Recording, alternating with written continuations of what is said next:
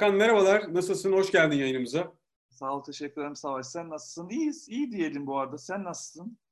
Ben de iyi diyeyim. Ben de iyi olmaya çalışıyorum diyeyim daha doğrusu. Bu aralar Savaş böyle ekranla özel bir ilişkim doğdu da bu aralar. Sürekli bir ekrana bakıyorum. İyiyim. Onun dışında sürekli sunumlar munumlar yapıyorum bu aralar. Çok yoğunsun biliyorum. Günde bir sürü sunum, her gün bir sürü sunum yapıyorsun. Ee, dolayısıyla bu e, vakti bize ayırdığın için öncelikle teşekkür edeyim. Ha, her zaman. Yani bu arada bir şey söyleyeyim mi? Yoğunum ama hoşuma da gidiyor Savaş ya. Vallahi hoşuma gidiyor çünkü bir şey net konuşuyorum sunumlarda. Bakalım yani. Bir, e, birkaç ay içinde e, belli olur. Belli olur. Haksız mıyız ne olacak belli olur. Süper. Hakan hepimiz zor zamanlardan geçiyoruz. Bütün dünya zor günlerden geçiyor. Ama bir yandan da bu sürece adapte olmaya çalışıyoruz. Nasıl adapte olmaya çalışıyoruz? Dijitalleşerek. Alışkanlıklarımızı, işte alışveriş alışkanlıklarımızı, farklı tüketim alışkanlıklarımızı dijitalleştirerek alışmaya, adapte olmaya çalışıyoruz bu süreci. Ee, öyle diyoruz. Fakat rakamlar, veriler ne diyor? Ortalama bir tüketici, sokaktaki vatandaş dijitalleşme arzusunda mı? Dijitalleşiyor mu? Öncelikle sana bunu sormak istiyorum. Ama şimdi o, iki o, iyi ki böyle ayırdın soruyu. Önemli bir şey yaptın şu anda. İkiye ayırdın. Yani arzusu var mı ve yapıyor mu? Arzu var ama yapmıyor. Şöyle söyleyeyim. E, arzu aşamasında Türkiye'nin neredeyse yüzde 31'i diyor ki ben e, bütün alışverişlerimi dijitalleştirmeliyim. Bu çok yüksek bir oran. Çünkü gerçekte kategori bazlı değişmekle birlikte %6 ile %10 arasında dönüyor. 3-4 katına hatta 5 katına çıkmış bir değişim söz konusu. Ama bu dönüşecek mi davranışa? E zor. Çünkü bunun bu tansiyonun davranışa dönüşmesi için o e-commerce sitelerinin bir araya gelip bir şeyler yapmaları gerekiyor. Yani markanın ötesinde platformların bir şey yapıyor olması gerekiyor. Onun pek bir esamesi okunmuyor bu aralar. Kimse bir şey söylemiyor. Ama Bence böyle yapmalı. Sözünü kestim. E, markaların ötesinde e-commerce'ı destekleyecek bütün markaların bir araya geldiği bir platform kurmalılar ve eğit, eğitmeliler tüketiciyi. Çünkü tüketici şu anda yani kafası kopmuş tavuk gibi. Yani bilmiyorlar ve nasıl yapacaklarını bilmiyorlar ama bir tansiyon var. Büyük bir istek var. Bu isteğin davranışa dönmesi öyle kolay değil. E şimdi bu Covid bittikten sonra bir kısmı zaten geriye dönecek. Bu arada hepsi geriye dönmeyecek tabii ki. Ben 6 ile %6 ile %10'un en az %12'leri 15'leri zorlayacağını düşünüyorum kalıcı bir, bir şekilde ama geri kalan kitle brick and mortar'a yani bildiğin offline şeye e, alışverişe dönmek zorunda kalacak. Çünkü birisini yanında bulmazsa kendisini eğitecek birisini yapamayacak. Böyle bir alışkanlığı yok. Onun için e, baktığımızda aslında bir kitle çok ciddi şekilde dijitalleşmek istiyor, alışverişini dijitalleştirmek istiyor. Ama bunu yapabilecek mi? Ayrı bir soru. Bir de bu arada ikinci bir kitle var. Hı hı. Onlar ise tamamıyla e, istemeseler de dijitalleştirmemiz gereken kitle.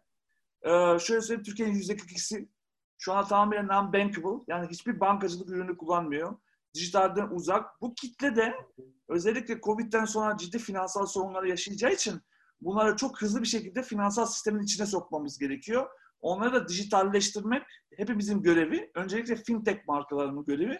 Dolayısıyla bir taraftan da şu anda böyle bir tansiyonu söylemeyen bir kitle var.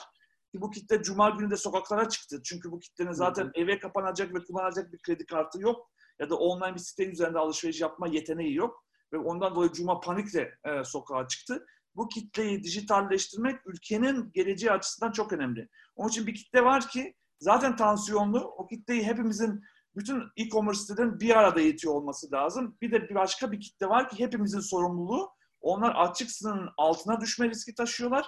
Onların e, hızlı bir şekilde dijitalleşmesi ve bankacılık sistemine dahil edilmesi gerekiyor. İkiye ayırmamız gerekiyor olayı. Hı hı. Peki Hakan şunu soracağım. Bu bahsettiğin dijitalleşme tansiyonunda algoritmalar ve yankı odalarında nasıl bir süreçten geçiyor olacağız? Ya şöyle söyleyeyim mesela ben en çok algoritma bak hep a, a, anlattım anlattım algoritmaları. Bu cuma günü algoritmaların bu yankı odaların etkisini tam da kendi hayatımın üstünde gördüm. Yani bu cuma bir yarı linçten geçtim e, bu arada Savaş. Ne oldu? Bir şeyle ilgili yazdım. Böyle Twitter'da şeyleri çok eleştirdiler ya lupocular dediler bu insanlara. Evet. Lupo alan bir tip vardı vesaire bir arkadaş vardı. Ben de onun üzerine bazı dataları paylaştım. Bir kitle ikna edemedim. Beni DM'den selamladılar e, güzelce. Bazı, bazıları da zaten ulu orta selamladılar.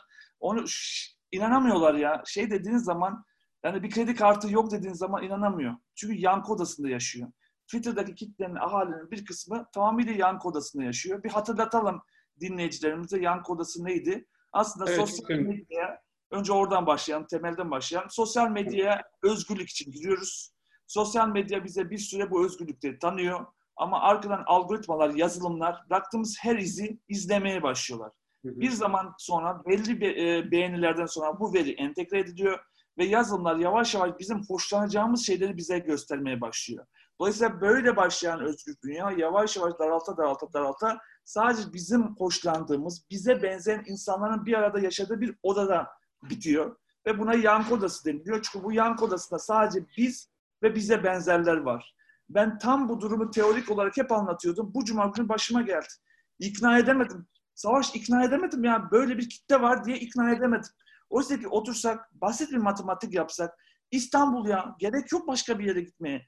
Esenyurt, 1 milyon kişi var orada. Git gör arkadaş. Üzerine koy şeyi, e, Sultanbeyli, koy Sultan Gazi, koy San, Sancak 3-4 milyondan bahsediyoruz.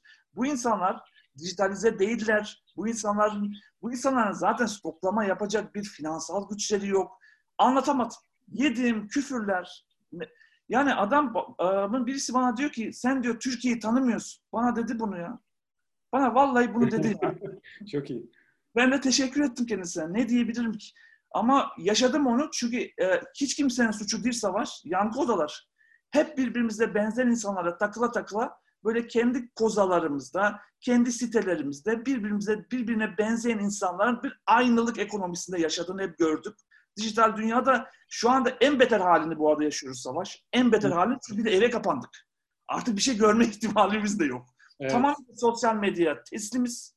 Ne gösterirse bana onu yemeye hazırım. O da zaten ben neyden hoşlanıyorsam ve bana benzeyen ne varsa onları önüme atıyor.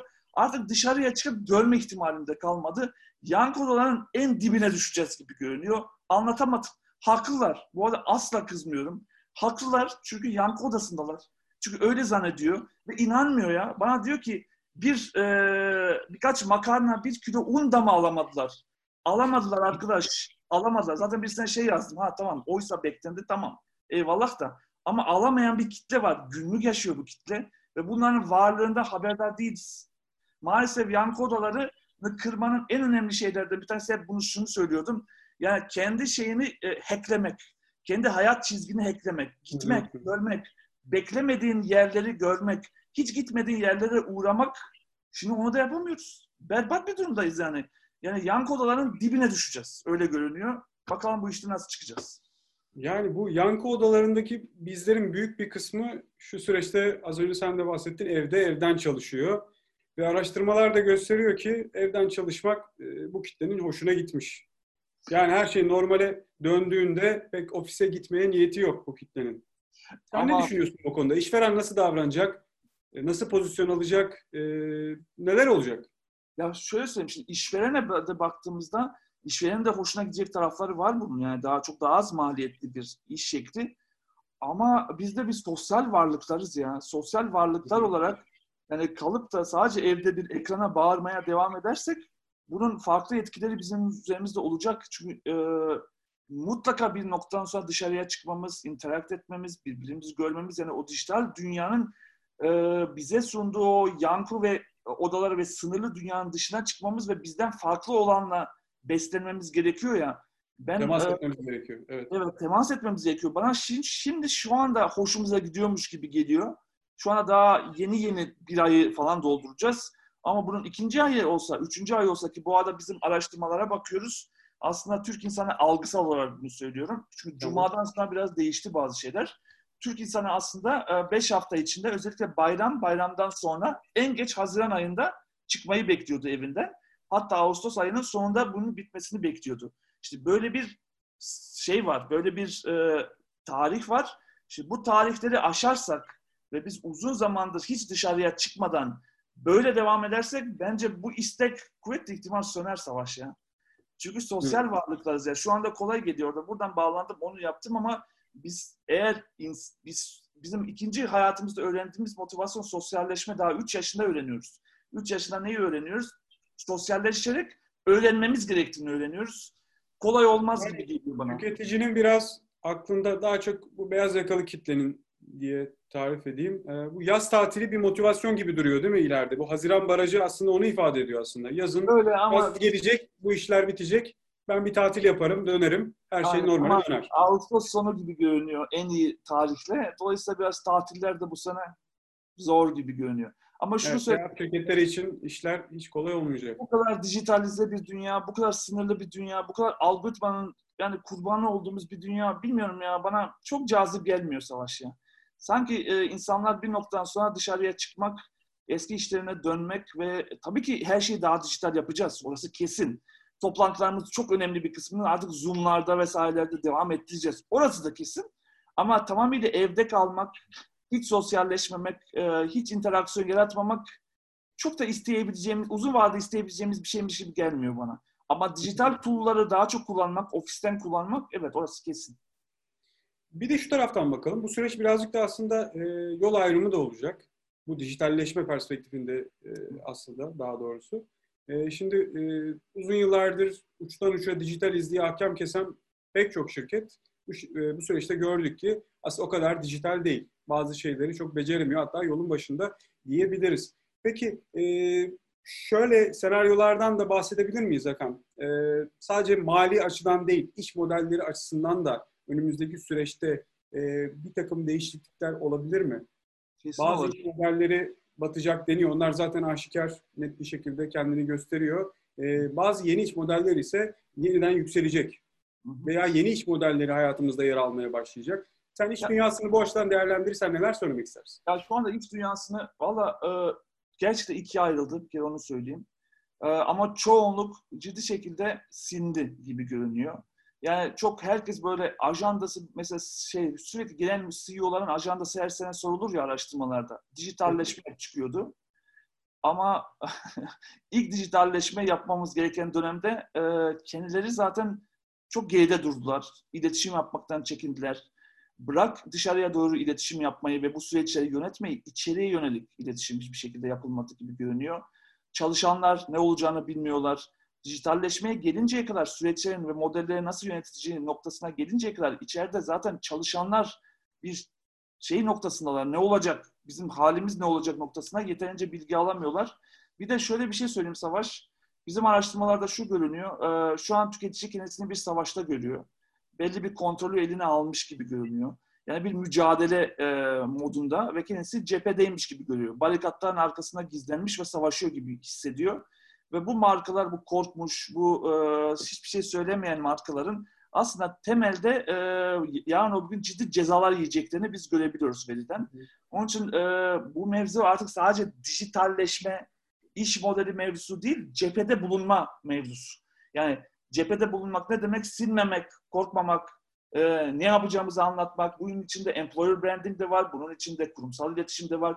Dışarıya yönelik tüketiciye ulaşım şekilleri. Mesela bir kısım şey e, iletişim yapmamaya çalışıyor. Hatta iletişimi böyle bir fırsatçılıkmış gibi algılanmasından korkuyor. Oysa ki tam tersi tüketici diyor ki ben cephedeyim. Sen e, bu işi nasıl çözeceğini ve yeni modellerine nasıl yanımda yer alacağını söylemen lazım diyor. Ama maalesef şu ana kadar e, bir sürü şirket bu konuda çok başarılı bir performans, çok başarılı bir performans gösterdiler. Ama çok başarılı olanlar da var bu arada.